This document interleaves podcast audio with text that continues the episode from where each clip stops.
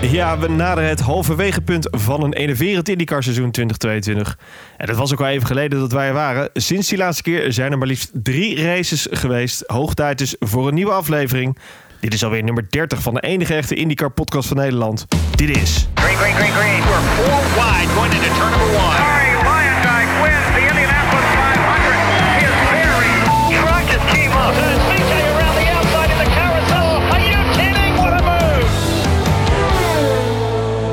Dit is Green Green Green, de podcast.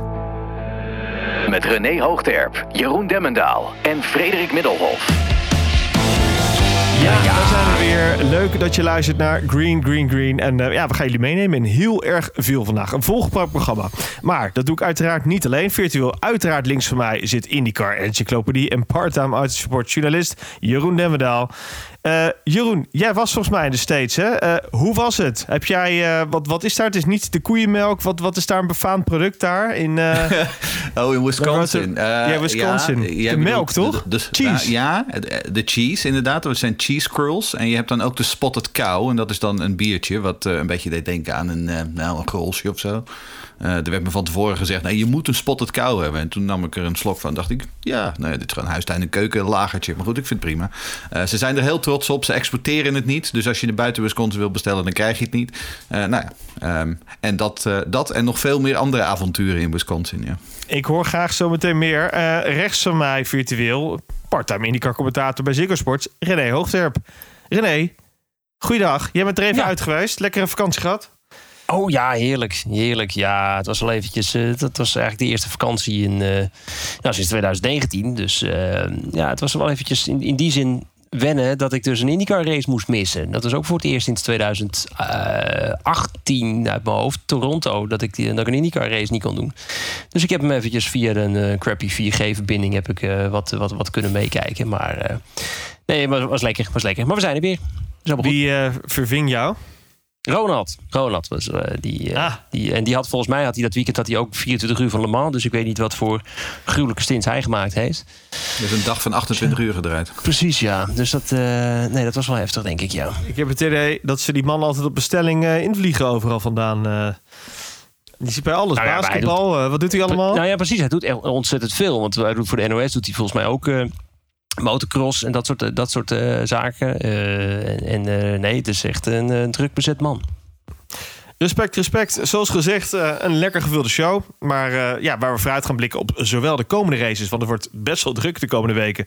maar ook vooruitblikken naar het seizoen 2023 alvast. Beetje silly season uiteraard. Maar we gaan ook even terugblikken met een half jaar rapport. En natuurlijk een terugblik op de afgelopen races. Ik zeg, bring it on. Ja, en laten we gelijk maar eventjes gaan terugblikken op die afgelopen races. Indy 500, Detroit, Road America. Eh, natuurlijk het mooiste festijn van het jaar. De eerste, Indy 500. Nu inmiddels alweer een maandje geleden. De 106e editie alweer. Even een korte recap.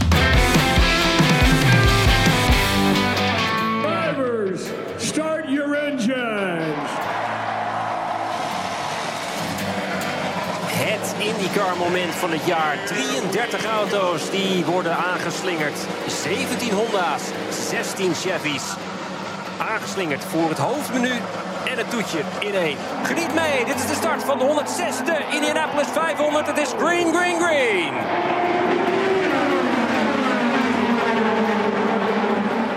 Power heeft wat mee. Oh, nee! Vier keer eraf. Harde klap, uitkomen bocht 2.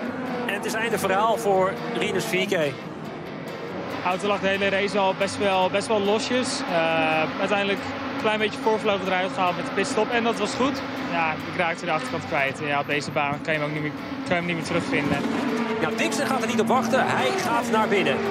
Oh, heel laat. Oei, oei, oei, oei, echt op Geen speeding in de pitlane. Oh, dat zal toch niet zo zijn, zeg. Nee, het is een drive-through. Het is een drive-through penalty. Ja hoor. Dit meen je niet. Jeetje, zoveel ervaring. De Dixon curse strikes again. Het is niet te geloven. Gaat deze Marcus Ericsson de 74ste verschillende winnaar worden van de Indianapolis 500? Nog acht te gaan. Het gat is drie seconden en dat is echt voor de Indianapolis 500 begrippen uiterst royaal. Oh nee, we krijgen nog geel. Johnson gaat niet zijn eerste wedstrijd op de Indy 500 uitrijden. Groene vlag wordt gezwaaid. We hebben nog een eindsprint van twee Kijk rondes te kijk gaan. Ook Kanaan buitenom. Buitenom. De McLaren's die meer elkaar in de verdrukking zitten. En Kanaan probeert het buitenom. Kanaan redt het net P3 over te nemen. De witte vlag gaat gezwaaid worden. Wordt het Oh. ergens worden? Oh, dat wordt Oh. heel dicht bij de pitmuur. Nee, weer naar links, weer naar rechts. Weer slingeren, daar komt de Duw hem naar boven, duw hem naar boven. Ja, laat hem Nee. staan. Hij laat staan, hij laat hem staan. Big balls. Oh, iemand de muur in. We hebben een caution. Ja, het is klaar. Ericsson wordt de 74ste verschillende winnaar van de Indianapolis 500. Hij hoeft alleen nog maar over de streep te komen. Nou ja, eh, jongens, terugblikkend op die 500. Marcus Eriksen, wie had dat ooit gedacht dat hij nog eens zou zegevieren? En we gunnen het hem toch? Jij als, eh, nou ja, soort van eh pseudo-zweet. Als halve zweet bedoel je? Ja, natuurlijk gun ik het Marcus Eriksson heel erg. Eh, ja, ik, ik sprak hem ook in Road America nog heel even. En ehm, ja, het, weet je, die, die man zijn leven is nu gewoon veranderd. Hè? Want dat weten we allemaal. Als je de Indy 500 wint, dan ben je voor de rest van je leven is je kostje gekocht. Eh, ja, en wie had dat gedacht? Ik bedoel, eh, we, we hebben natuurlijk eh, in onze laatste show hebben we de hele grid doorgenomen. Ja, toen stond hij op rijtje 2. hadden we hem van tevoren bovenaan op het total formulier ingevuld? Nou, misschien niet, maar hij reed wel in een Ganassi, startte vanaf de tweede rij. Ehm, ja, Dixon en Palou stonden bij ons allebei denk ik net iets hoger op de nominatie. Maar eh Eriksson was een goede tweede. eh, of een goede derde achter die twee in ieder geval. Ja, die Dixon, hè René? Ja, het is toch niet te geloven. Het, is, het ergste is volgens mij in de uitzending... een paar rondes daarvoor dan noem ik hem voor de eerste keer... dat Dixon eigenlijk altijd wel iets heeft meegemaakt. Ik denk, eh, op het moment dat ik dat zeg, denk ik... nou ja, ik ga toch niks jinxen of zo. En dan zie je hem die pitstraat inrijden... En denk je, nee, dat, dat, die, achterras die was gewoon veel te veel aan twitchen. Dit ziet er niet goed uit. Want je hebt wel eens vaker hè, dat, dat er gewoon een, een blokkerend voorwieltje is. Dat iemand gewoon lekker, eh, lekker dat zet je leven je toch in. En lekker eh, elke seconde probeer je nog te pakken. Maar het feit, ja, het, Dixon had op dat moment ook gewoon best wel een aardige voorsprong. Het was dan ten opzichte van eh Rosenquist was het volgens mij toen. Maar het was helemaal niet zo... het was gewoon niet nodig. Maar aan de andere kant, ja, natuurlijk, Dixon heeft hem op die manier gewoon eigenlijk weggegeven. Want Dixon was eigenlijk de glorieuze winnaar, had hij dat moeten zijn. Zoals wel vaker. Maar Dixon blijkt ook een mens te zijn. En dat is ook wel zo prettig. En toch, Ja. na twee, met 22 jaar ervaring onder je riem. Hè, op zo'n moment, op zo'n beslissend moment, zo'n fout maken. Wat je verwacht van iemand als Santino Ferrucci of Dalton Kellett. Want vond jij het een rookie mistake, Jeroen? Nou, een rookie mistake is misschien. Het, het, is, het is iets wat je met al je ervaring. Dit zou je niet meer moeten doen. Eh, ik, ik, ik geloof niet dat ik Rick Mears dit ooit heb zien doen. Eh, of, of, of iemand of een Helio Castroneves. Weet je, het, het, is, het was zo raar. Het was zo niet Des Dixons. Maar goed, daar gaan we het zo ook in ons halfjaarrapport nog wel over hebben. Dit hele seizoen is al niet Des Dixons. Dus wat dat betreft paste het wel goed, ja. Ja, en dan moeten we het ook nog even hebben over eh, onze hoofddorpse vriend. Ehm, ja, gemiste kansen, zo mag ik het toch wel noemen, toch? Ja, absoluut. Eh, kijk, hij was sowieso hij was natuurlijk de eerste die uitviel. De eerste die eh, de muur raakte. Uiteindelijk bleek wel dat turn 2 toch wel eh, voor een heleboel rijders heel erg lastig was. Ehm, het enige opmerkelijke was natuurlijk dat ehm eh, Rinus zelf zei... ik had geen idee wat er gebeurde. Ehm, en opmerkelijk is ook dat hij de enige was... bij wie er een vuurbal te zien was... terwijl hij de, de muur raakte. Ehm, ja, en daar, daar gaan we het zo, zo ook nog wel even over hebben. Maar er zijn inderdaad nog steeds wat aanwijzingen... dat er misschien wel een technisch mankement aan boord was van die auto. Maar dat is nog steeds eh, eh, niet helemaal... daar zijn ze nog steeds niet helemaal uit. Ehm, maar ja, absoluut. Ehm, hè, ik bedoel, zijn gemiddelde startplaats is geloof ik 3,5 eh, in drie in die 500. Maar ja, uiteindelijk eh, heeft hij ook dit jaar weer geen eh, eh, aansprekend resultaat aan het einde van, eh, van de rit eh, kunnen laten neerzetten. Ja, en dat is gewoon zonde. Ehm, want ja, het was sowieso al geen lekkere meimaand wat dat betreft. Want de Indy GP was natuurlijk ook niet lekker.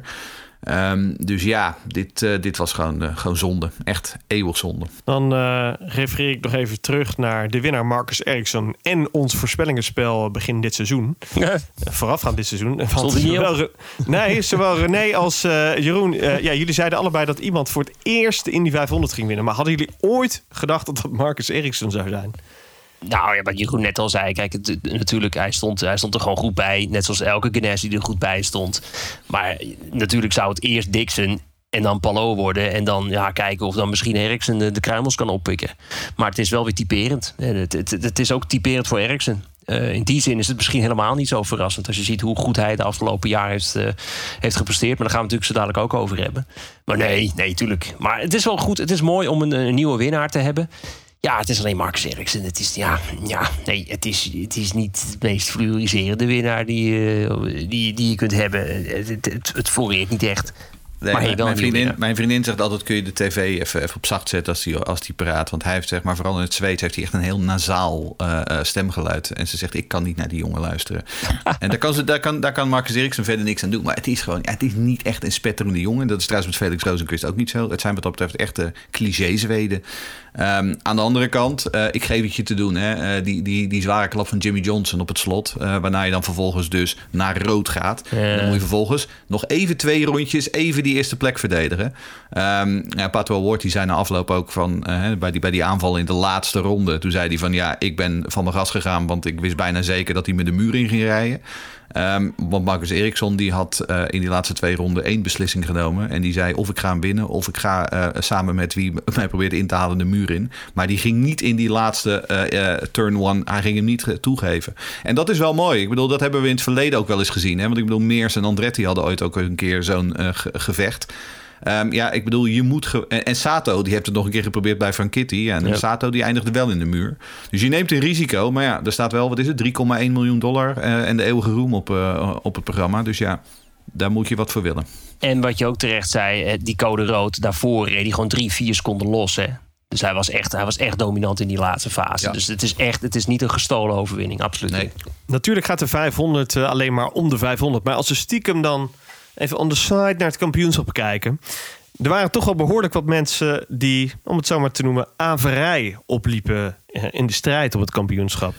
Ja, nee, ik denk dat Scott McLaughlin is een goede om te noemen. Eh, die had gewoon een hele slechte 500 uiteindelijk. Ehm, en eh, ja, ik bedoel, die is inmiddels gezakt naar de negende plek. Daar, die stond geloof ik na twee of drie wedstrijden stond die gewoon nog steeds stijf bovenaan. Omdat hij een keer gewonnen had en een keer tweede was. Ehm, dus ja, Scott McLaughlin die heeft schade opgelopen. Dixon natuurlijk idem. Ehm, we hebben Grosjean eh, de muur in zien gaan. Eh, ja, dat is toch ook nog steeds... Het is het nog niet helemaal met onze Romain. Ehm, en dan hebben we natuurlijk Hurta, die eigenlijk gewoon een dramatische maand had. Het ging gewoon voor hem meter. Eigenlijk de hele, de hele race niet. Ehm, ja, en Rinus, Rinus natuurlijk ook. Rinus, eh, dit was ook eh, wel de maand waar hij toch zijn, eh, zijn hoop op vestigde om, hè, dat goede begin, om dan ehm, de volgende stap te kunnen nemen. En dan echt gewoon stappen zetten met die dubbele punten tijdens de 500. Ja, als je dan 33ste eindigt, dan werkt dat de andere kant op. En dus moet hij nu weer ietsje harder aan trekken om weer naar voren te komen. Van de Indianapolis 500 eh, gingen we dan naar de hobbelige straten van Motor City Detroit. Ja, René. Ja, weer terug op het eh, traditionele slot, hè? zo direct na de Indy 500. Ehm, maar voor het eerst sinds tijden was het een enkele race. En is het ook meteen de afscheidsrace die we daar gehad hebben. De laatste race dat we daar gaan rijden. Want eh, ja, Jeroen, eh, volgend jaar gaan we weer downtown, hè? Volgend jaar gaan we weer downtown, ja. En dat is dan niet het aloude downtown dat we kennen uit de jaren 80 en 90. Maar inderdaad een, eh, nou ja, redelijk recht toe recht aanbaantje. Ehm, maar wel weer over die mean streets of Detroit natuurlijk. Dus wel echt gewoon eh, rond eh, dat Renaissance Center.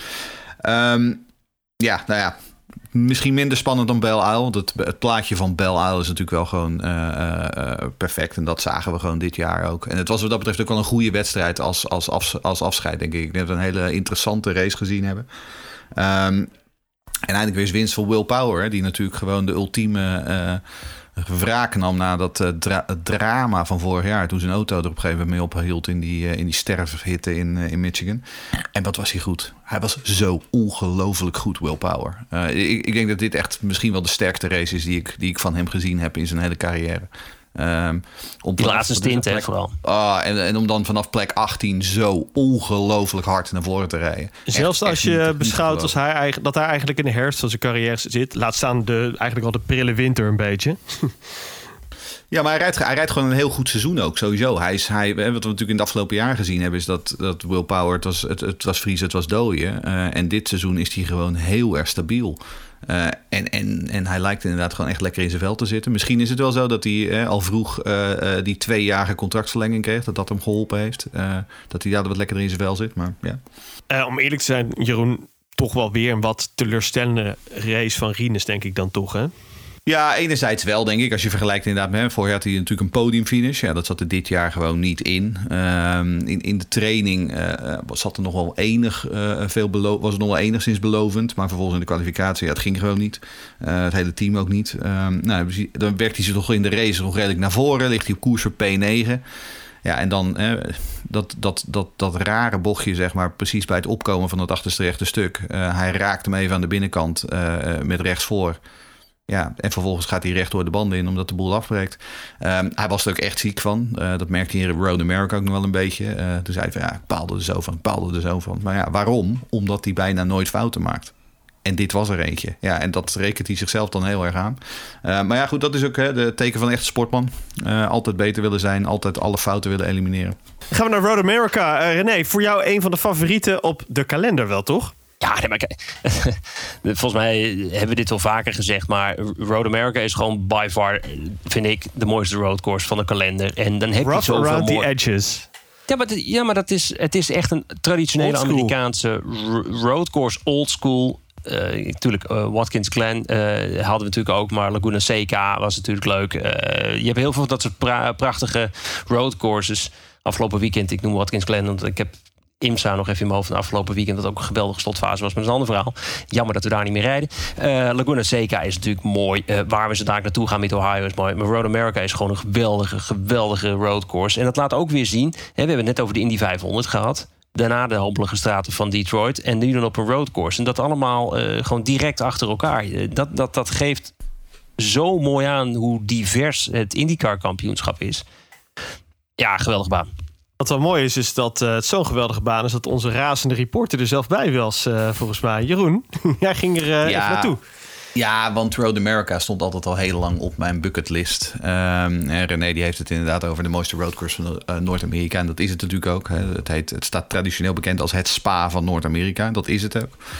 Um, het is een ontzettend lange baan. Er is heel veel natuur omheen. Um, het is, uh, op een gegeven moment stond ik ergens in een van die bossen. En dan hoor je gewoon alleen maar dat ge, gemauw van die motoren. Dat was toen nog, dat waren de USF'jes geloof ik. En dat klonk zo gek. Want enerzijds zeg maar, zie je als het ware de eekhoorntjes zeg maar, door, de boom, door de boompjes heen springen. En tegelijkertijd hoor je op de achtergrond dat gejaag van die, uh, van die motoren. En ze noemen het ook de National Park of Speed. Dus hè, een national park, maar dan met raceauto's. Nou, en dat is Road America in de notendop. Uh, dus ja, nee, het, was, het was een uh, geweldige ervaring. Uh, en ik ben heel blij dat ik, er, ja, dat, ik, dat, ik dat, dat tikje nu op mijn bucketlist kan zetten. Ja. En we hadden weer eens een ouderwetse fitty, hè, René? Ja, ja, ik mis even een race en direct was het mooi geweldig vuurwerk. Ja, licht even toe. Nou ja, kijk, natuurlijk. Fitty, het, was, het, het valt allemaal ook wel weer mee hoor. Maar het is al eventjes geleden dat we een Fitty hadden. En direct hadden we er meteen twee. Eén tussen de teamgenoten Palo en Ericsson moet ik overigens zeggen dat er niet heel veel gebeurde. Het was vooral een heel lullig eindresultaat voor Palo. Ja, en dan heb je Devlin en uh, Devlin de Francesco en Will Power. Ja, het, het waren twee heethoofden. Uh, het, het, er gebeurde het een en ander. Misschien zelfs ook buiten beeld. En, en dus het, het, het grote incident met aanremmen van het lange rechte stuk... dat was volgens mij een gevolg van het een en ander. En vond ik ook wel eerlijk dat Power ook wel een beetje afkneemt. Maar nogmaals, het was gewoon alles dat bij elkaar. Het was vooral die handen van de Francesco. Dat laat duidelijk zijn. En beide balen, uh, beide even schelden op elkaar. En zo was het uiteindelijk allemaal via een Twitterberichtje was het allemaal weer in orde. Maar het was, het was bovenal gewoon een heerlijke wedstrijd. Uh, ja, wat ik zeg, ik heb het een beetje moeten zien met een, met een, met een crappy 4G-verbinding. Maar Road America levert nu toch ook wel weer gewoon. En gewoon die heerlijke slotfase ook. Met die, met die, met die neutralisaties. Waar het toch, toch even. Dat je dacht dat het klaar was. Nee, dan toch nog eventjes ja, een, een masterclass van. Hè, we hebben het net over Will Power gehad, maar ook wel een masterclass in die laatste rondes van Newgarden. Goeiedag zeg. Um, Jeroen, hoe heb je daar die race beleefd? Uh, en dan ook de race van Rinus. Ja, je staat natuurlijk uh, dicht uh, op de actie. Road American ECR blijft nog wel een lastig verhaal. Hoewel volgens mij Rinus ook daar die wonderlijke pass had op Pagino twee jaar geleden. Klopt dat? Ja, dat klopt inderdaad. Ja. dat was inderdaad buitenom in de carousel. Um, ja, hoe heb ik de race beleefd? Nou ja, um, uh, tijdens de race zelf zat ik gewoon in turn 5, zeg maar. Dus dat is waar zowel Ericsson Palo inhaalde... en waar inderdaad die Francesco bij Power uh, naar binnen reed. En dat deed hij, uh, nou ja, dat gebeurde dus allemaal voor mijn neus. Net als die enorme crash in, de, in die lights... Oh, waarbij ja. Christian Bogle gewoon 20 meter hek uit, uit, uit de fundering trok. Ehm, dat was wel gewoon de beste plek om te gaan zitten. Maar eh, de rest van de sessies en vooral de practice en de qualifying... hebben we inderdaad toch vooral bij ECR en, eh, en, en, en zeg maar in de, in, de, in de tent en in de pitstraat gezeten.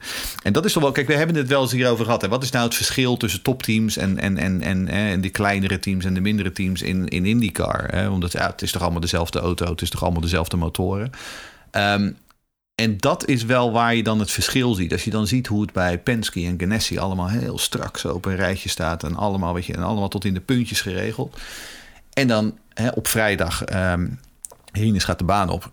En er is gewoon geen lamp mee te bezeilen met dat ding. En hij komt terug, hij zegt, ja, dat is gewoon niks. Gewoon nee, gewoon slecht. En ja, ze hebben een hele, hele setup omgegooid. Uh, weer wat anders geprobeerd. Nou ja, uh, Daily ging dan wel wat beter. Dus gingen ze daar nog maar wat mee proberen.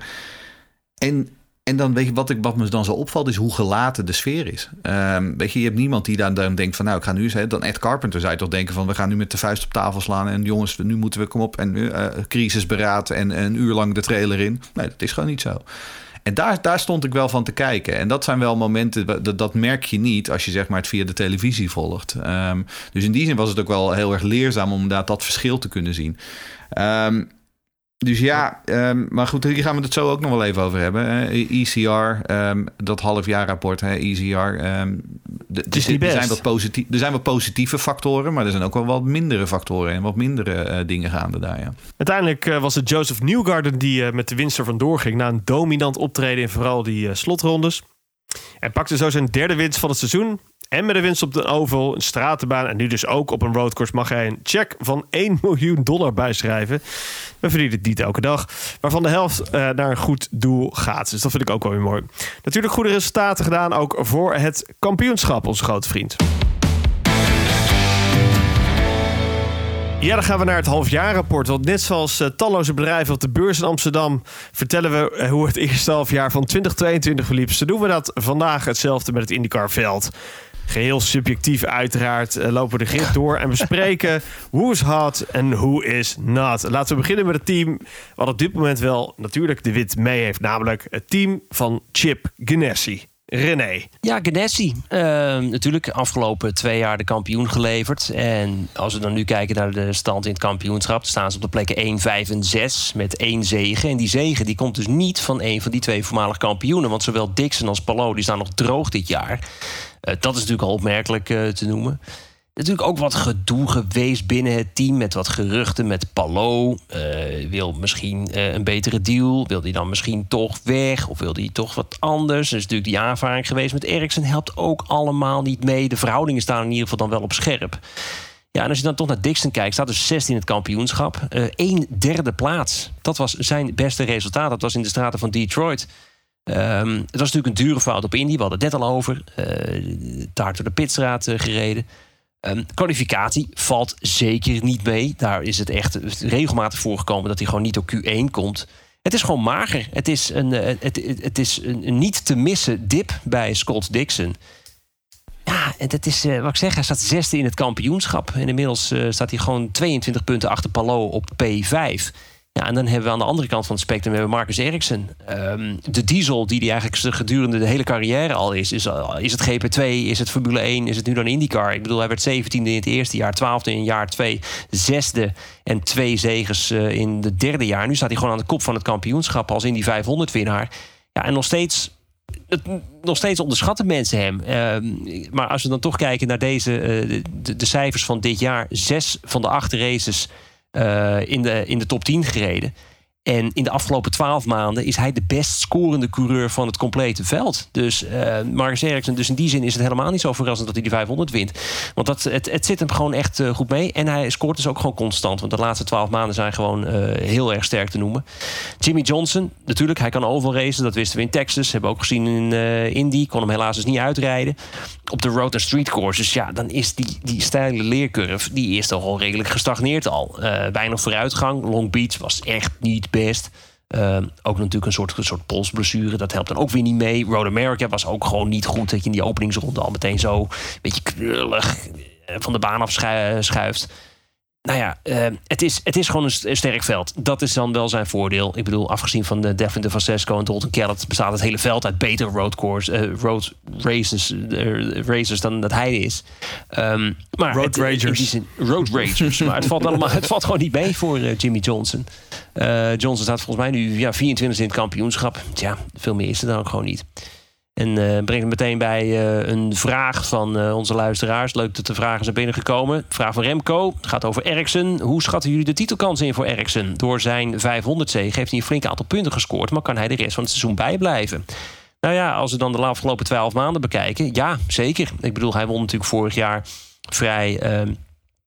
met geluk en eh, alles wat erbij hoorde, Nashville. Maar eh, dat zijn wel allemaal circuits die er nog aankomen. Het zijn allemaal circuits waar Marcus Ericsson vorig jaar ook gewoon goed gescoord heeft. Dus ja, Ericsson is gewoon de constante factor. Eh Ericsson doet eigenlijk op zijn paloos wat hij vorig jaar reed. En Paloos doet het dan weer op zijn Dixons. Dus in die zin, ja, goede leermeesters gaat. Ja, is de kracht van Ganassi, hè? Als, de, als de twee wegvallen, dan hebben ze er nog eentje die, die dan in kan stappen. Dat is wel het knappe. Ehm, en dat, ik- dat zien we natuurlijk ook bij Penske. Hè? Want ik bedoel, Penske is natuurlijk dit jaar teruggegaan van vier naar drie. Ehm, en vorig jaar, 2021, was niet goed voor eh Penske. Daar kunnen we heel kort over zijn. En als je dan nu kijkt, acht races gereden, vijf keer gewonnen. Dat is wel echt, dat is gewoon goed, hè? Twee en drie in het kampioenschap. Ehm, dus ja, die stap van, van vier naar drie auto's was gewoon goed. Het is gewoon een goed gebalanceerde ploeg nu met, eh, met McLaughlin, eh, Power en Newgarden. Eh McLaughlin begon natuurlijk ontzettend sterk. En toen dachten we allemaal van, nou, is dit dan nu? Gaat hij nu al meedoen? Gaat hij nu al een palootje doen en gewoon eigenlijk die, die, die neemt het heft in handen en dat laat hij niet meer los? Nou, zo is het dus niet helemaal uitgepakt. Ehm, hij staat nu negen in het kampioenschap. Eh, wat ik zeg, eh, zijn 500 was niet goed. Ehm, eh, maar Penske als geheel had gewoon een matige 500. Weer. Ehm, dus ja, ik denk dat McLaughlin voorlopig nog niet een echte kampioenschapskandidaat is. Maar dat er groei in zit ten opzichte van zijn rookiejaar vorig jaar, dat is onmiskenbaar. En ja, Ehm, die kan alleen nog maar beter worden. Nou, we hadden het net ook al over Will Power. eh, die was echt een beest op Detroit. Ehm, en rijdt misschien wel zijn beste seizoen in jaren. Eh, we hebben een afgelo- aantal seizoenen gezien waarin hij achtste eh, werd in het kampioenschap. En dat we dachten van nou, is, is het niet gewoon een beetje over met ons Will? En nu staat hij gewoon weer bij de beste drie. Ehm, en kan hij gewoon weer kampioen worden. Want hij heeft nog steeds maar één kampioenschap. En eigenlijk als je kijkt naar eh, het palmares van eh, Will Power... en hoe lang die al meedraait aan de top... is dat eigenlijk heel gek dat hij maar één keer kampioen geworden is. Ehm, en dan Newgarden, hè, de, de, de tweevoudig kampioen... eh, heeft inmiddels al drie keer gewonnen. Maar tegelijkertijd ook vier keer buiten de top 12 gefinist. En dat is dan weer het probleem waarbij inderdaad een Ericsson en Power het beter, het beter doen. Inderdaad. Newgarden, ja, hij is nog steeds wel erg wisselvallig. Aan de andere kant, als hij dat oplost in de tweede seizoenshelft... en hij wordt gewoon eh, kan constant in die top 5 finishen... en hij wint nog een paar races... dan is hij wat mij betreft titelfavoriet. Gaan we naar een vraag van Ramon Kok. Ja, en dan hebben we ook nog een vraag van Ramon Kok. Die zegt, zijn jullie verrast hoe Penske zich herpakt heeft... na een kleurloos 2021... en hoe sterk McLaughlin het seizoen begon? Eh, en hij wil ook weten of we fan zijn van de Bus Bros. En de Bus Bros, dat is natuurlijk dit kleine collectiefje van eh, en, eh, Joseph Newgarden en Connor Daly zit daarbij en Scott McLaughlin zit erbij. En ehm, ja, ik ben een groot fan van de Bus Bros, want het is namelijk eh, IndyCar in optima forma. In de Formule 1 zou zoiets nooit van de grond komen. Echt never, nooit niet. En in IndyCar wel, omdat het gewoon uiteindelijk gewoon een jongensclub is. Een padvindersclub die gewoon het land rondreist en het gewoon naar de zin heeft met z'n allen. Ehm, ben ik verrast hoe Penske zich herpakt heeft? Ehm, niet helemaal, ehm, want 2021 was, wat ik zeg, echt heel beroerd.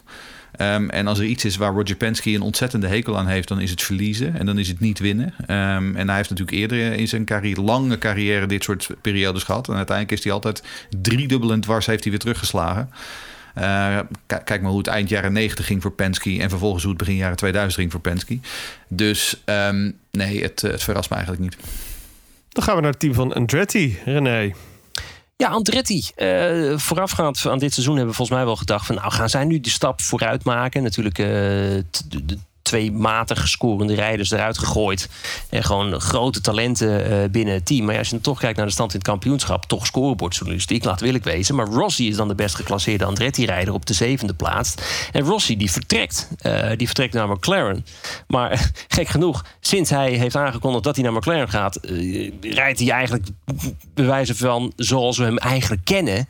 Eh, was lange tijd ook op weg naar gewoon een, een, een- nou, echt, echt een goede klassering op Road America. En, eh, volgens mij was het 2019, 18 aan mijn hoofd... dat hij gewoon zo dominant wegreed en niemand zag Ja, hem meer. 45 seconden of zo. Hè? Ja, en, en, en dat was. Dat, dat, dat, nee, nee, dat, eh, maar goed, het komt wel. Het komt wel weer.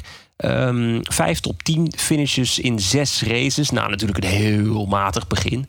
Eh, ja, en het moest eigenlijk wel van Hurta komen. Maar als we naar Hurta kijken, heeft natuurlijk wel één race gewonnen. Dat was toen die heerlijke eh, halve regenrace in eh, Indianapolis, de road course. Maar staat elfde overall in het kampioenschap. Natuurlijk, die 500 helpt niet mee. Was gewoon compleet wegstrepen. Die complete twee weken was eigenlijk helemaal niks. Ehm, het is ook gewoon weer wisselvallig.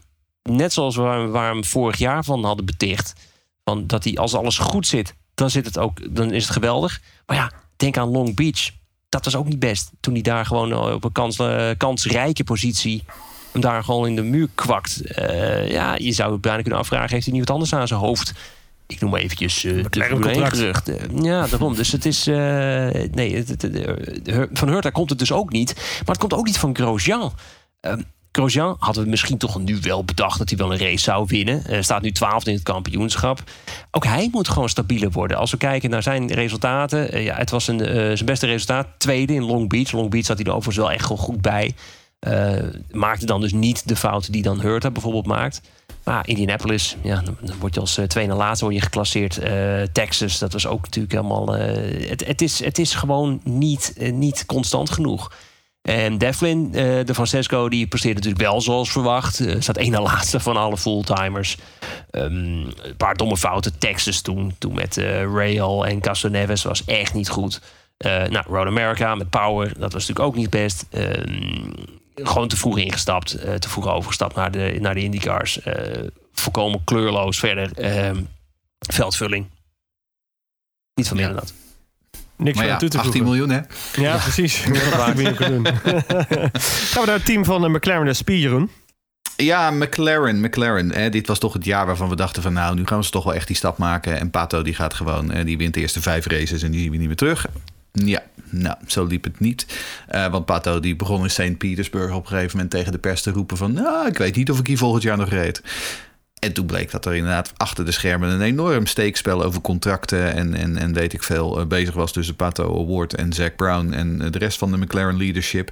Ehm, ja, dat leidde af. Eh, het is een onrustig begin geweest voor Pato. Ehm, veel gedoe. Ehm, maar aan de andere kant, hij, hij doet wel gewoon nog steeds mee om de titel. Zit, er, zit er gewoon wel nog steeds goed bij. Zit in die kopgroep, in die top 5.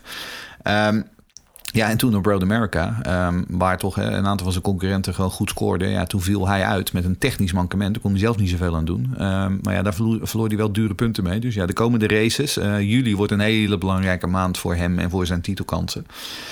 Ehm, Felix Rosenquist, om eerlijk te zijn, eh, vergeleken met waar hij vandaan komt, ehm, doet hij het gewoon heel solide. Hij staat eh, achtste, in, eh, netjes in de subtop. Ehm, voor Aaron McLaren standaarden, of in ieder geval de standaarden waar ze naar streven, zal het misschien niet goed genoeg zijn. Ehm, hij begon ook als van gewoon weer slecht. Maar heeft inmiddels nu vier top 10 finishes op rij te pakken. Ehm, dus ja, ook Felix zit een beetje in een swing. Eh, als hij dat door kan zetten in, ehm, in, in juli, ja, dan zou het zo nog maar eh, eh, genoeg kunnen zijn voor een contractverlenging. Maar daar gaan we het straks nog wel over hebben. Over de factoren die daarmee spelen.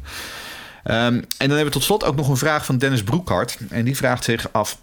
Denken jullie dat we ooit Robert Wickens nog eens terug gaan zien in IndyCar? Ja. onder, eh, McLaren of, of destijds nog Smith Peterson beloofde hem dat de nummer 6 entry altijd voor hem beschikbaar zou blijven.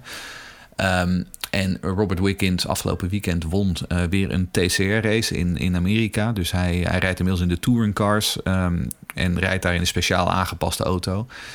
En dan komen we ook wel op de kwestie: ehm, wie gaat de technologie leveren om een IndyCar voor Robert Wickens volledig om te bouwen? Ehm, gaat Robert Wickens ooit nog eh, de fysieke kracht hebben om ooit een IndyCar te besturen? Ik hoop het. Ik hoop het echt. Maar ik, ik hou er geen rekening mee. Ehm, want hij heeft door die enorme crash op Pocono destijds zo'n ongelooflijk eh, veel schade opgelopen. Eh, dat hij er nog is, daar mogen we hartstikke blij mee zijn.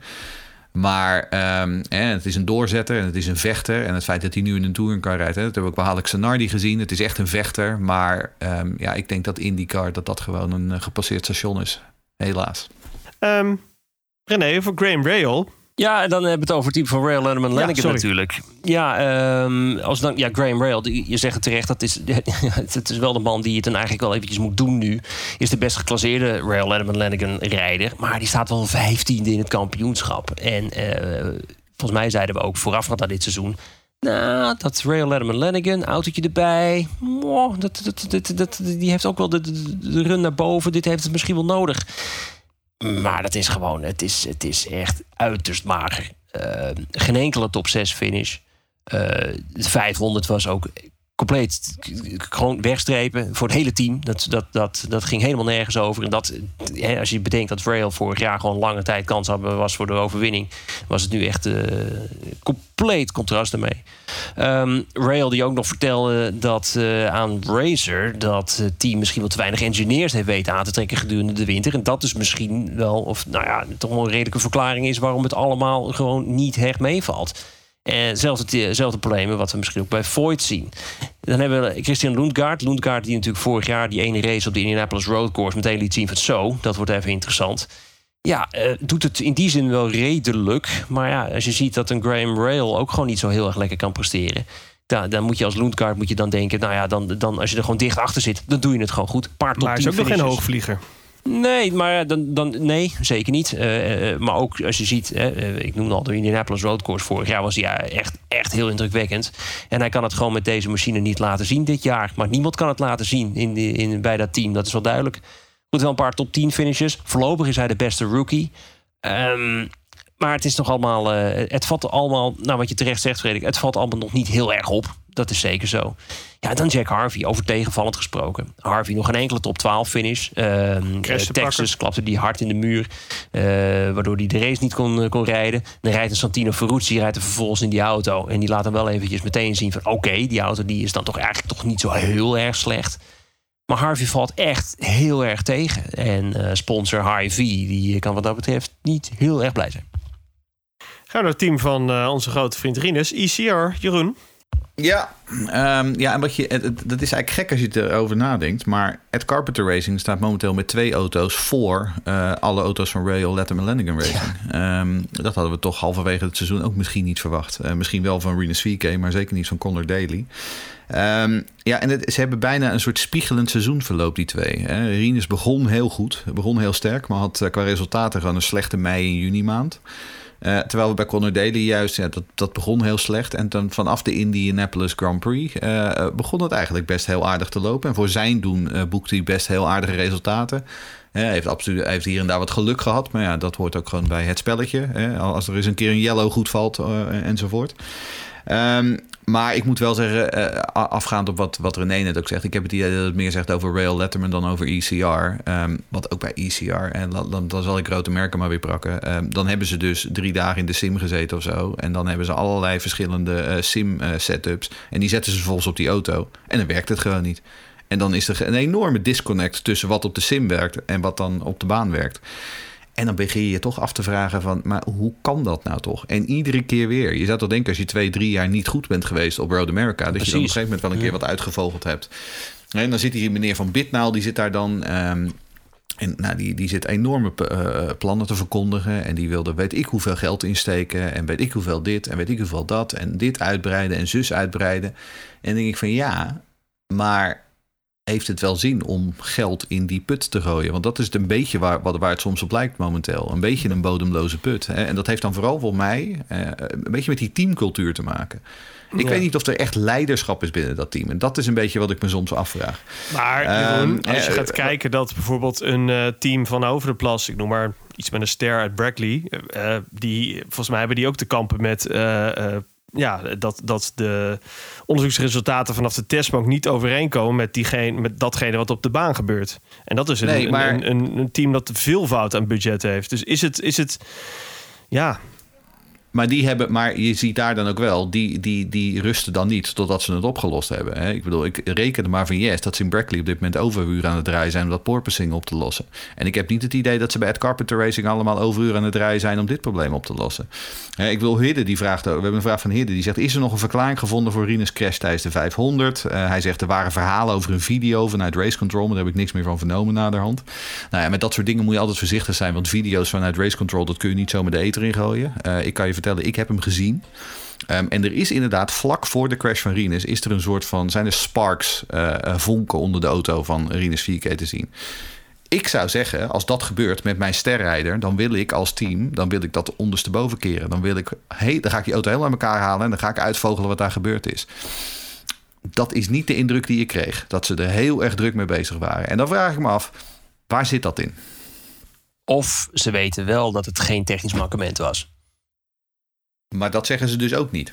Nee, nee. Maar, en dat, is, en, dat is, dus, en dat is dus het gekke. Nee, weet je, het is, het is, het is, het is een rare situatie. Het is, het is het gelatenheid. En, en, ja, weet je, en soms, hè, af en toe, als alles meezit, ja, dan hebben ze opeens gewoon een goede wedstrijd. Hè. We, we hebben natuurlijk Rinus ook een aantal keer gewoon echt heel goed voor de dag zien komen. Maar het, de, er zit geen constante topsportcultuur in dat team. Maar Jeroen, jij, kent, jij kent ECR misschien nog wel net even iets dichterbij dan wij. En, en is het dan ook echt zo'n regionaal team dat gewoon van 9 tot 5 werkt en daarna gewoon de deur van de fabriek dicht, dicht trekt en morgen weer een dag? Of hoe, hoe, nou ja, kijk, ik zit daar niet natuurlijk, maar dat is wel een beetje de indruk die je krijgt inderdaad. Wat ik zeg, hè, eerder, als, als, je, als, je, als je twee auto's, als je twee, het waren met z'n drieën, als je twee auto's hebt die voor geen meter gaan, dan ga je toch crisisberaad in? Nee, maar binnen een half uur, zeg maar, na de training waren, waren alle monteurs die waren alweer weg, zeg maar, die hadden hun rugzak ingepakt. Ja, ik snap dat niet.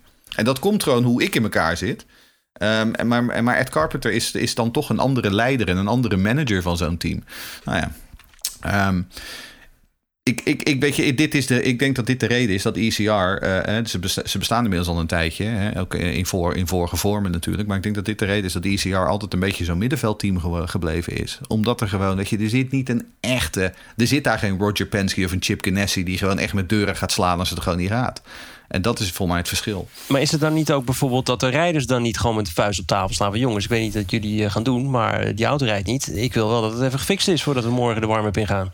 Nou ja, bijvoorbeeld, ja. Uh, dat zal ongetwijfeld. Kijk, Conor Daly, daar hebben we, uh, voor mij we, Frederik, die heeft ook wel eens wat dingen over geroepen. Ehm, dat zullen we verder niet ter herinnering roepen. Maar um, Conor Daly is natuurlijk gewoon, hè, die, die, die is lang blij dat hij een, dat hij een, een stuur in zijn handen heeft. Maar verder gelooft hij het wel. Die is vooral van het lol trappen. Ja, en Rines is wel is heel gedreven. Maar ook Rines is nog maar gewoon een jonge knul van 21. Weet je, die kan ook niet de hele tijd gaan stampen. En is daar ook niet echt de persona, heb ik het idee. Aan de andere kant, kijk, hè, ik bedoel, daar gaan we het zo nog wel over hebben, over 2023. Kijk, in, in theorie kan, kan Rinus voor 20 jaar bijtekenen bij het Carpenter Racing. Ja, nou, ga je dat doen in deze omstandigheden? Nou, dat weet ik niet. Ja, of uh, jij moet iets weten dat er iets wordt overgenomen. Zo, dat kan natuurlijk ook. Nee, dat weet ik niet. Nee, nee, geen idee van. Wat ik zeg, ik weet dat die Bitnaal meneer, die, wil, eh, die, die heeft hele grote plannen. Maar ja, die Bitnaal meneer, die weet alleen maar, dat is een cryptoboer. Die heeft natuurlijk ook geen verstand van autoracen. Dus ja. Papa, papa van Kalmthout heeft heel goed een aantal Ford-dealers uh, volgens mij uh, ja, ik denk dat dat de oplossing is. Inderdaad. Ja. We moeten gewoon... Ja. Meer Marijn. Gaan we naar het team van Meyer Schenk, mannen. René. Ja, Bayern Schenk, die uh, Harvey is gegaan. En daardoor echt, echt twee ervaren rotten. Volgens mij zeiden we aan het begin van het seizoen... volgens mij de meest ervaren line-up die je maar kunt bedenken. Uh, is dan wel de topman. Dat hebben we eerder ook al genoemd. Uh, heeft gewoon een heel redelijk seizoen, podiumplaats. Uh, gewoon vaste positie binnen die top 12. Maar die overwinning die moet eventjes komen. Het, het is dat zit ook niet altijd weer mee. En ook niet bij Elio Castroneves. Denk aan Road America, natuurlijk die herstart. Denk aan het, het grasmaaien van Pagino. Pagino die overigens wel heel goed wegkwam bij die exit in de kink. Goeiedag zeg. Um, dat was wel eventjes een heftig moment. Het gaat niet altijd goed hoor, daar. Goedemorgen. Nee, nee, precies. Uh, vraag aan Catherine Leck eventjes. Maar goed. Ja, uh, ja ja. De Pagino, dus eh, waar staat hij nu? Uh, tien in het kampioenschap. Uh, degelijk. Maar er moet even wat meer komen. En, maar als het daar eventjes goed valt, dan kan het ook wel komen. Elio natuurlijk altijd sterk op Indianapolis. goede race gereden. Maar verder valt het allemaal niet mee. natuurlijk, commercieel is hij heel erg interessant. Sponsoren zijn dol op hem. Uh, maar hij heeft even wat meer nodig dan alleen een goede Indy 500 race. En, uh, en dan viel hij dit jaar dan ook... Hè, als hij goed naar voren geknokt, laten we dat zeker niet vergeten. Want volgens mij zei ik het in de uitzending ook. Elio die heeft ongeveer vier à vijf man nodig per stint... om in die slotstint er in de buurt te zitten. En hij zat op een bepaald moment dat hij heel, een heel goed gemiddelde... Dus een gemiddelde wedstrijd. Maar ja, staat 17 in het kampioenschap. Tja, dat is Mario Shank nu ook. Ga naar het team van Deelcoin.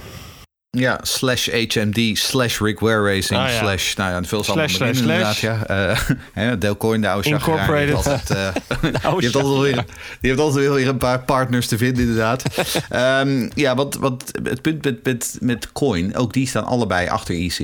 Ehm, en dat is natuurlijk, hè, Sato die moet uit de tent trekken. En dat doet hij eigenlijk nauwelijks. Dat is een beetje het probleem.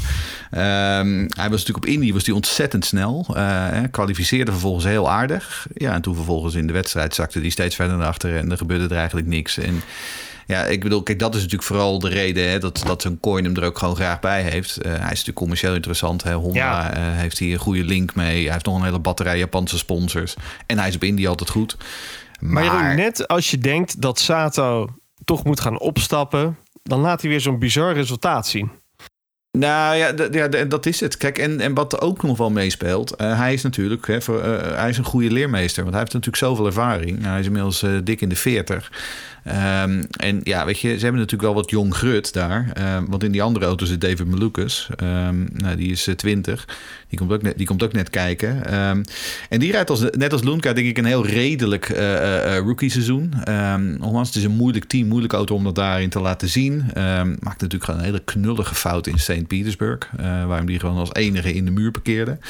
Eh, maar daarna, ja, Texas was hij gewoon goed. Eh, op Indianapolis zat hij er goed bij. Eh, miste hij net aan de Fast 12. Echt net aan.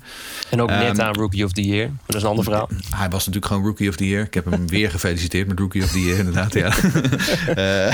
Nee, ja, dat was natuurlijk ook wel weer zoiets, inderdaad. Daar moeten we het misschien ook nog maar even heel, over- heel even kort over hebben. Maar dat, dat, dat, er, dat men werkelijk besluit om Jimmy Johnson Rookie of the Year te noemen over zo'n jonge knul die. Eh, nou ja, ik snap er geen hol van. Maar goed. Ehm, nou ja, en eh, die knap kwalificatie op Detroit deed hij heel goed. Eh uiteindelijk in de race dat hij, zo- viel dan wat minder eh, eh, zijn kant op. Maar eh, ja, Malukas, die komt er wel. Ehm, die, eh, die, heeft een, die heeft een goede deal. Eh, en die redt zich wel daar. Gaan we naar het team van eh Junkos. Ja, Junkos, de one-man band in het groen. Eh, ja, doet wat je kan verwachten. hè. Islet, eh, hele talentvolle rijder. Eh, leert de auto, leert de circuits, leert de engineers, leert, eh, ja, moet, moet zelf moeten ze het maar gaan bepalen. Het is een beetje pionieren. En af en toe komen ze dan ook heel goed voor de dag. Eh was het toch wel een fikse crash in Indianapolis, waardoor hij toch een polsblessure had.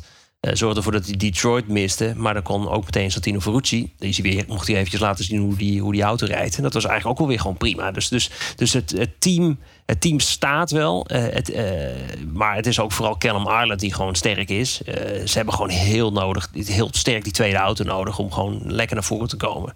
Maar we kunnen niet veel meer van ze verwachten.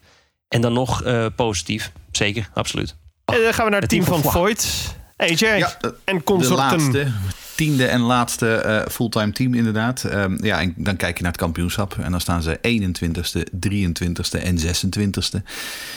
Eh, ja, dan, dat is wel afgetekend nummer laatst eh, van het veld zijn. Maar goed, dat zijn ze inmiddels toch ook gewoon al wel een paar jaar. En dat is toch wel een beetje hè, zonde. Ehm, ze hebben natuurlijk een ontzettende... Ze hebben, ze hebben superheld Kyle Kirkwood. Ehm, nou, die hoeft gelukkig nog maar negen races. Dan mag hij naar Andretti toe. Ehm, Kirkwood is natuurlijk gewoon een paar keer positief opgevallen. Eh, een paar keer wat dure foutjes ook. Eh, het was op Texas niet helemaal lekker. Eh, nou ja, goed. Eh, ook hij is gewoon nog aan het leren. Ook hij is gewoon een rookie. Maar weet je, er zit zoveel potentieel in. En dat weet iedereen. Ehm, kijk, de problemen bij Ford zijn natuurlijk gewoon veel structureler. Eh, ten eerste hebben ze een sponsor die maar matig betaalt in de vorm van Rokit. Eh, dat weet, daar weten ze bij Williams Formule 1 weten ze daar alles van. Ehm, maar ja, bij Ford, hè, eh, beggars can't be choosers. Dus als Rokit komt met een een vermeende digitale zak geld, dan zeg je ja. En dan hoop je dat het ook daadwerkelijk gestort wordt. Ehm, ook daar, eh, hadden het net al over bij Rail Letterman Lanigan. Ehm, ze missen gewoon een aantal engineers. Eh, want ze hebben dus drie auto's. Die derde auto van Calderon die kwam er een beetje laat bij. Daar hadden ze eigenlijk niet echt op gerekend. Ja, en dan moet je nog mensen ervoor gaan vinden. Dus er zijn een aantal mensen die gewoon een beetje, een beetje sp- split, zeg maar. Als waren het Jean-Claude Van Damme, zijn ze een beetje over twee auto's verdeeld. Ehm, En ook gewoon af en toe gewoon echt dingen die niet goed gaan. Want ik sprak Kirkwood in Road America over die crash in Detroit. Uh, en hij gaf dus uh, uh, de ronde voor die crash gebeurde, gaf hij aan. Hij zegt maar, hey, die remmen die zijn niet goed. Die remmen, dat is niet goed. En toen zei ze, ah joh, gewoon doorrijden, gewoon doorrijden. Ja, de volgende ronde opeens uh, trapte die pedalen in en toen gebeurde er niks meer. En toen ging hij recht door de muur in. Ja, dat zijn geen fijne dingen. Dat wil je als rijder echt niet meemaken. Um, dus ja, je kunt je ook afvragen, hè, worden alle onderdelen dan nog wel helemaal goed volledig nagelopen in iedere wedstrijd? Nou, dat soort kleine dingetjes hebben ook dat weer kwaliteit. nou, en dan hebben we Tatjana Calderon. Ja, ik bedoel, die rijdt netjes de races uit. Uh, rijdt niemand in de weg. Uh, was een paar keer echt gewoon voor mij een seconde sneller dan, dan Jimmy Johnson in de qualifying. Um, ja, dat is gezien haar leercurve is dat gewoon heel acceptabel. en dan hebben we Dalton Kellett. En Dalton Kellett is Dalton Kellett. is veel te langzaam, rijdt toch nog steeds te vaak in de weg. maar we weten ook voor de financiën is die van levensbelang voor. Dus um, ja, de, dat is, uh, dat, dat, dat is wat het is. Uh, dan heb ik inderdaad nog een vraag van Gerry Nooy. Die zegt, ja, waarom gaat Ford nou toch met een bedrijf als Rocket in zee? Als we in de Formule 1 al wisten dat het onbetrouwbaar was. Nou ja, dat is het. Ik bedoel, je moet ook wat te kiezen hebben. Uh, en als je niks te kiezen hebt en je hebt alleen de K-line insulators van Dalton Kellett... Ga je met uh, Rocket ja, of uh, Rich Energy of... Uh, nou ja, maar dat is het toch? Ik bedoel, Andrea Moda. Uiteindelijk, ja, Andrea Moda, ja.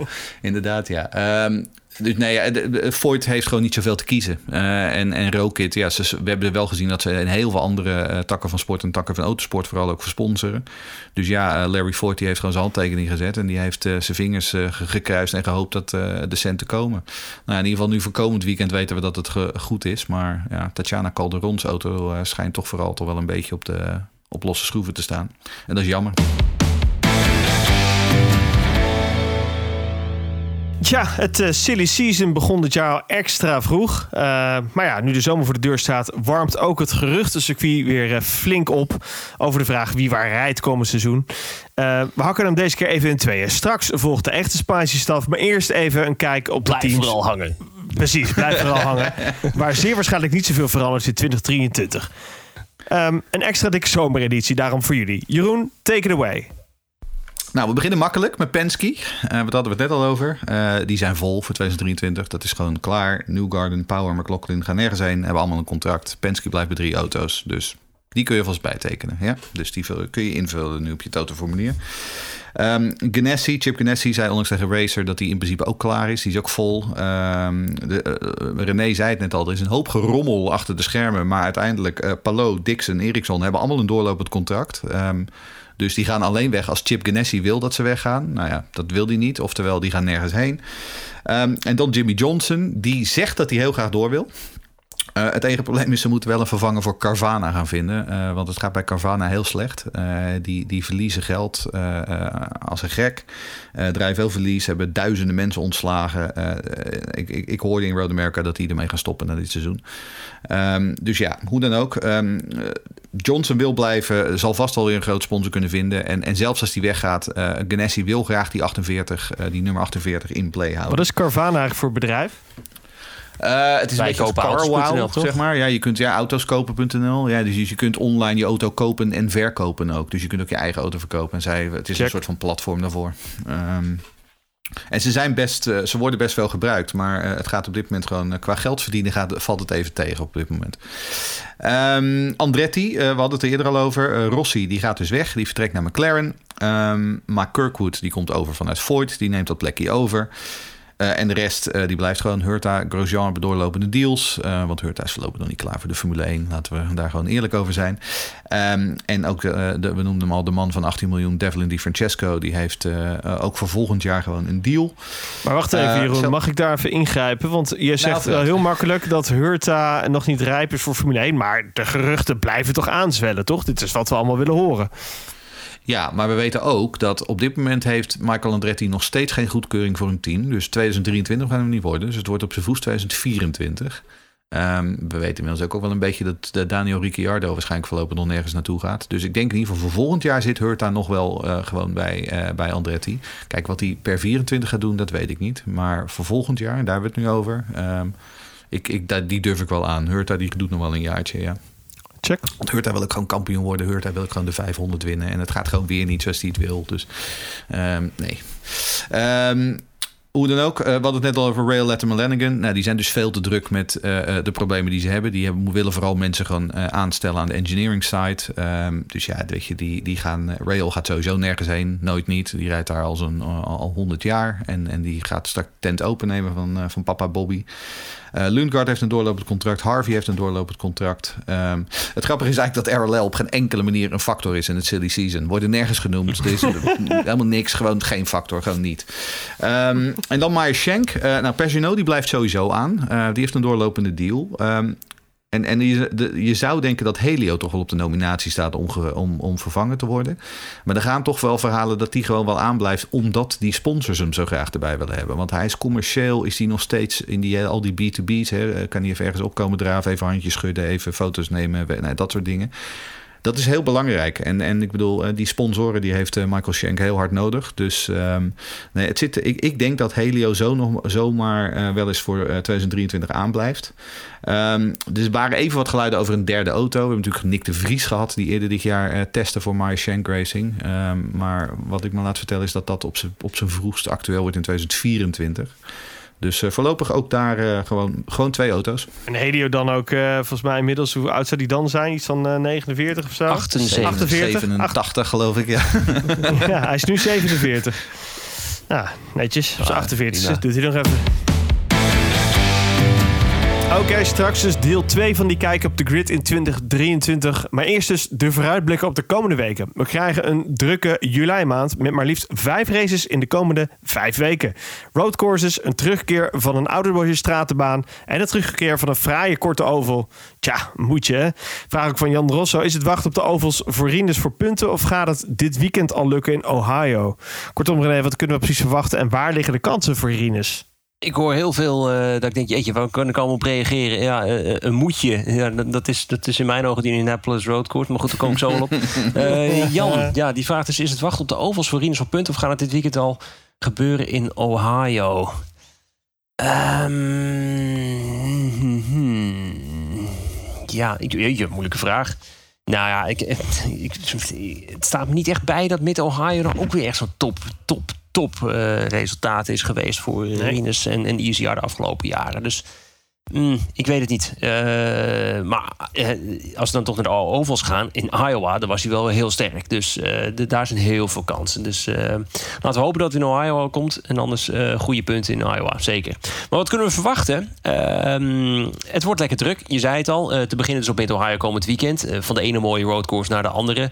Mid-Ohio een echte IndyCar klassieker. Mooie hoogteverschillen. lastige off-camber bochten ook. In mijn ogen een betere versie dan van Barber, beter gezegd. Eigenlijk altijd wel interessante races gehad. En misschien moet dit dan wel, we hebben het over Dixon gehad eerder in de uitzending. Moet dit misschien wel de wederopstanding van Dixon worden? Ik bedoel, hij is veel vraat hier. Volgens mij wordt het liefkozend wel de Scott Dixon in, in, eh, Invitational genoemd. Eh, het is zes overwinningen die hij hier heeft behaald op eh Mid-Ohio. Eh, laatste was in 2019, toch stiekem al eventjes geleden. Met een eh, mooi gevecht toen in die slotfase met zijn toenmalig teamgenoot Felix Rozenquist, die dus toen voor Ganassi reed. Ja, en dan twee weken daarna eh, zijn we dan eindelijk weer terug op die mijn ogen mooiste stratenbaan van de kalender. Het Canadese Toronto. Twee jaar zijn we daar niet geweest. We weten allemaal waarom. En dus ook wel interessant voor het IndyCar-veld. Want er zijn best wel veel rookies geweest de afgelopen twee seizoenen. En die zijn er dus nog nooit geweest met een IndyCar. En direct de week erop in het weekend van 23 en 24 juli... is dan de enige doubleheader van het seizoen... op de korte over van Iowa. Terug naar een jaar afwezigheid, dankzij sponsor Hy-Vee. En Iowa is altijd interessant, altijd leuk. Het is vooral hectisch. Het is echt zo'n bullring. Het zijn zo'n stieren die losgelaten worden. En eh, nou, we kijken al ergens aan het einde van de race wie er wint. Het is druk, het is hobbelig. Het is nog hobbeliger dan de afgelopen jaren. Het is ook soms ook eerlijk gezegd een beetje onduidelijk hoe het zit met eh, wie waar zit en wie rijdt op een ronde achterstand of anderhalve ronde achterstand of twee rondes voorsprong. Het is allemaal. eh, nee, je verliest bijna twee rondes met een pitstop bijvoorbeeld. Het is altijd interessant. Ja, en daarna dan op 30 juli, eh, wat ik zeg, het moedje van de kalender. Eh, we gaan weer naar de Indianapolis Road Course. Ja, dan heb je net Road America Gaan we gehad. weer. Gaan we komend weekend naar Mid-Ohio? Ja, dan is die IMS Road Course gewoon een grijze muis, laten we eerlijk wezen. Eh, maar het is in ieder geval lekker druk, veel IndyCar races... en direct ook hele goede kansen voor Rinus VK. Eh, Toronto was hij in de Road to India eigenlijk altijd wel goed. En volgens mij was het volgens mij 2019... volgens mij reden de beide ECR's, nou één elkaar in de wielen. Dat kan me nog iets van herinneren met Piggott en... Wie zal dan geweest zijn? Jones, denk ik dan? 19, weet ik even niet meer. Ja. Maar die reden, die, die, reden, die reden echt wel in de, in de, in de, eh, in de subtop toen. Dus dat is wel heel erg interessant. In Iowa, daar was hij in 2020 heel erg snel. Eh, en maakte die ook een fikse klapper. Dat dan ook wel weer. Eh, maar dat, eh, ik, ja, het leuke weken. Leuke weken. Ik heb er heel veel zin in. Ja, ehm, leuke weken. Ik zit lekker in Frankrijk. Maar kan ik die Ziggo-app nou eh, bekijken in Frankrijk, René? Want jij bent ook op vakantie geweest. Ja, ik heb het, ik heb het toen gewoon kunnen kijken hoor. Dus niks ah, Gaat er wordt lekker Ziggo. Sport eh, Racing eh, lekker Ja, streamen. absoluut, absoluut. Die VG-bundel erheen jassen. Ja, nog een vraag ja. van Martin Spierings, René. Ja, die wil weten naar welke race kijken jullie het meeste uit in de tweede seizoenshelft. Eh, dat, dat is meer dan de races die we nu net hebben genoemd. Ja, dan kijk ik toch stiekem, als ik er dan eentje moet noemen. We- we- we- Ja, zeg, ga ik toch voor Nashville. Ik ga toch voor Nashville. Ik ben benieuwd of ze er er weer zo'n pestzooi van gaan maken. Lekker lijpbaantje, toch?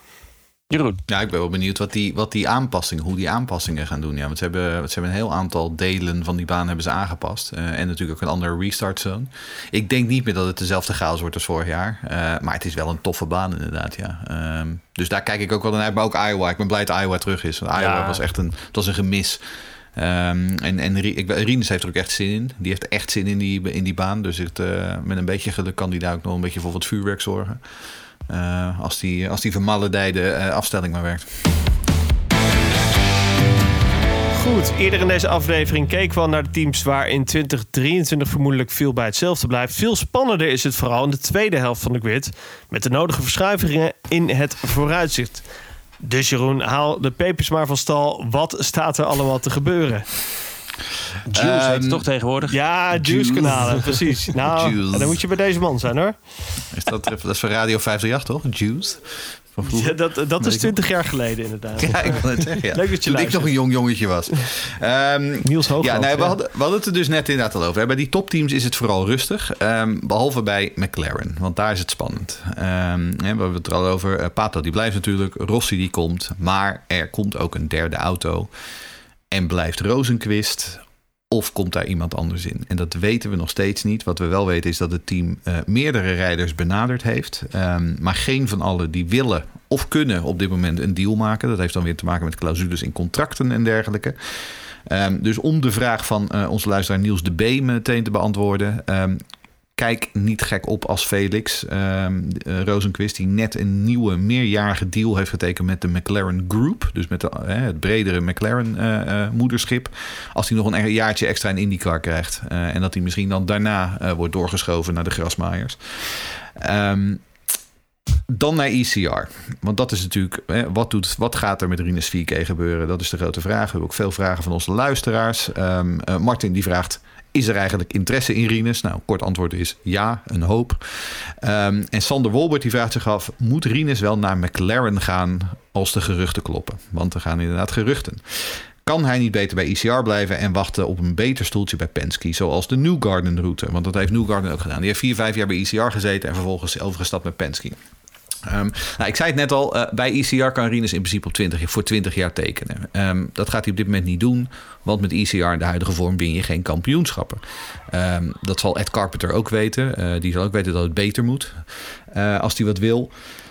Aan de andere kant, ik denk persoonlijk dat ik denk niet dat Rinus past bij McLaren. McLaren is eh, super strak, is heel erg corporate, eh, is heel erg humorloos, is heel erg droog. Ehm, eh, kortom, McLaren is in alles de tegenpol van Rinus 4K. Ik, ik, ik vraag me af of hij daar niet gewoon ongelukkig wordt. Ehm, nou ja, apropos die interesse. eh, ongeveer elk team heeft al geïnformeerd naar zijn diensten. Ehm, ja, ook, ook Voigt zal hem vast gebeld hebben. eh, of in ieder geval zijn manager. Want hij heeft tegenwoordig een hele professionele manager. Die vroeger voor Dario van Kitty werkte. Ehm, maar ik denk dat als je Rinus diep in zijn hart kijkt. dan wil hij het liefst naar of Ganassi of naar Penske. En we weten dat kan pas per 2024. Dus zou het kunnen dat hij nog een jaartje ECR doet. en dat hij dan daarna doorgaat. Heel goed mogelijk. Eh, we weten in ieder geval dat die manager van hem... die eh, heeft het deze weken heel erg druk. Want die, zit, eh, die vliegt van de ene meeting naar de andere. Ehm, en dan Daly. Ehm, ja, hij is toch de, degene die die Bitnile jongens binnenbracht. Ehm, heeft naar verluid een meerjarige deal getekend.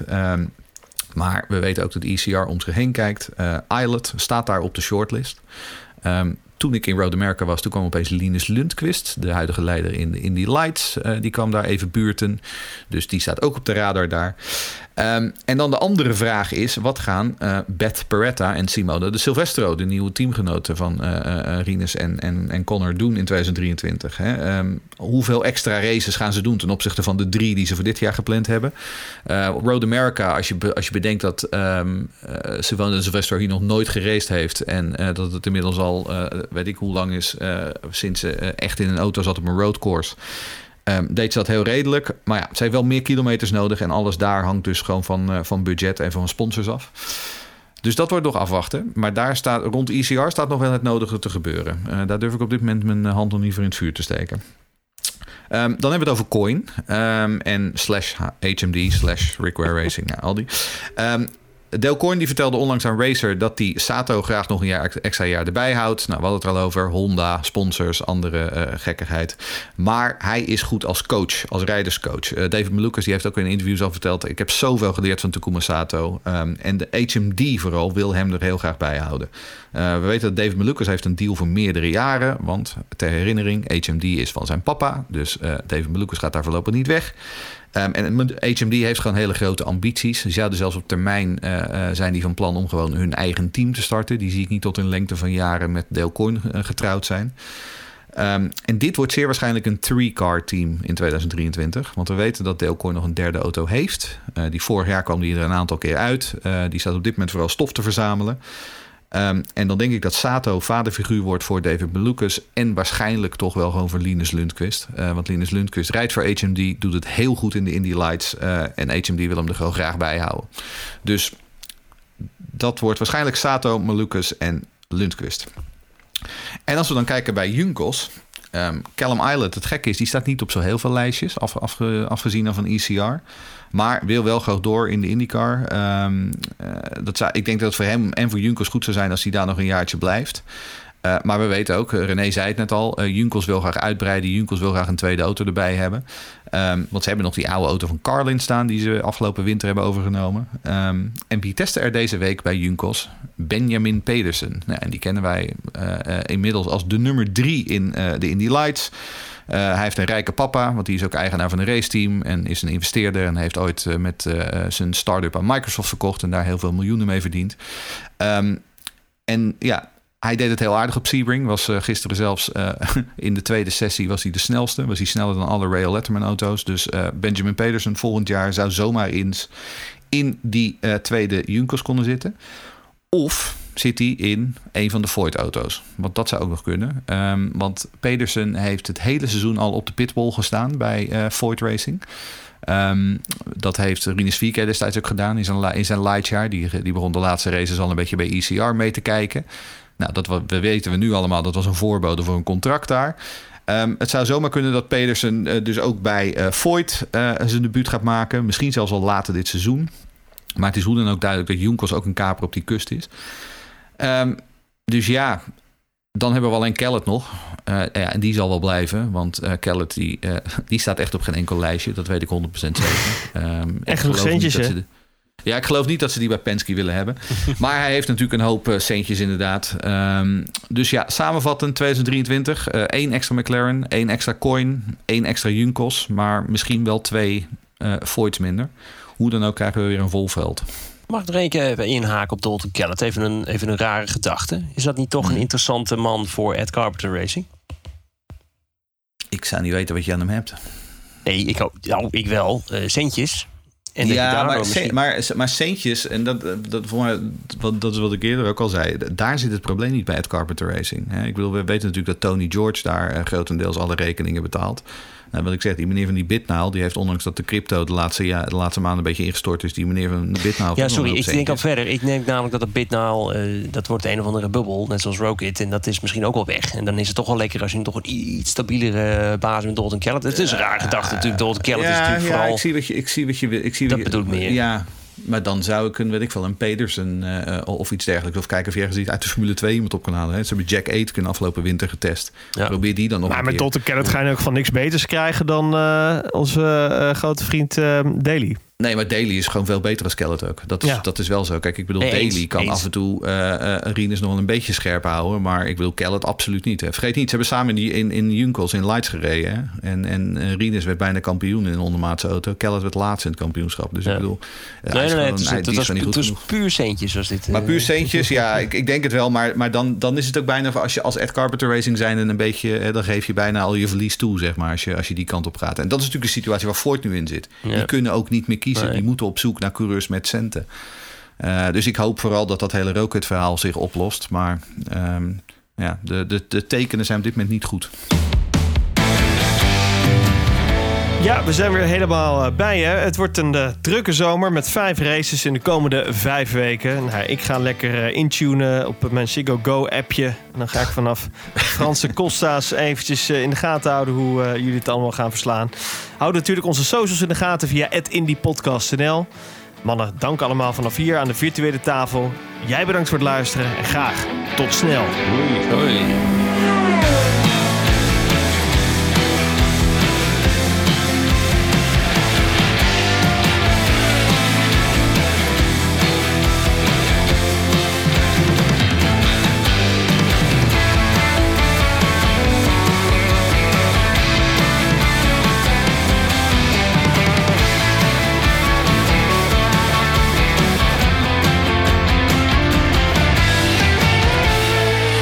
het laatste IndyCar nieuws van Green Green Green op Twitter via @indypodcastnl en abonneer je op Green Green Green via je favoriete podcastplatform.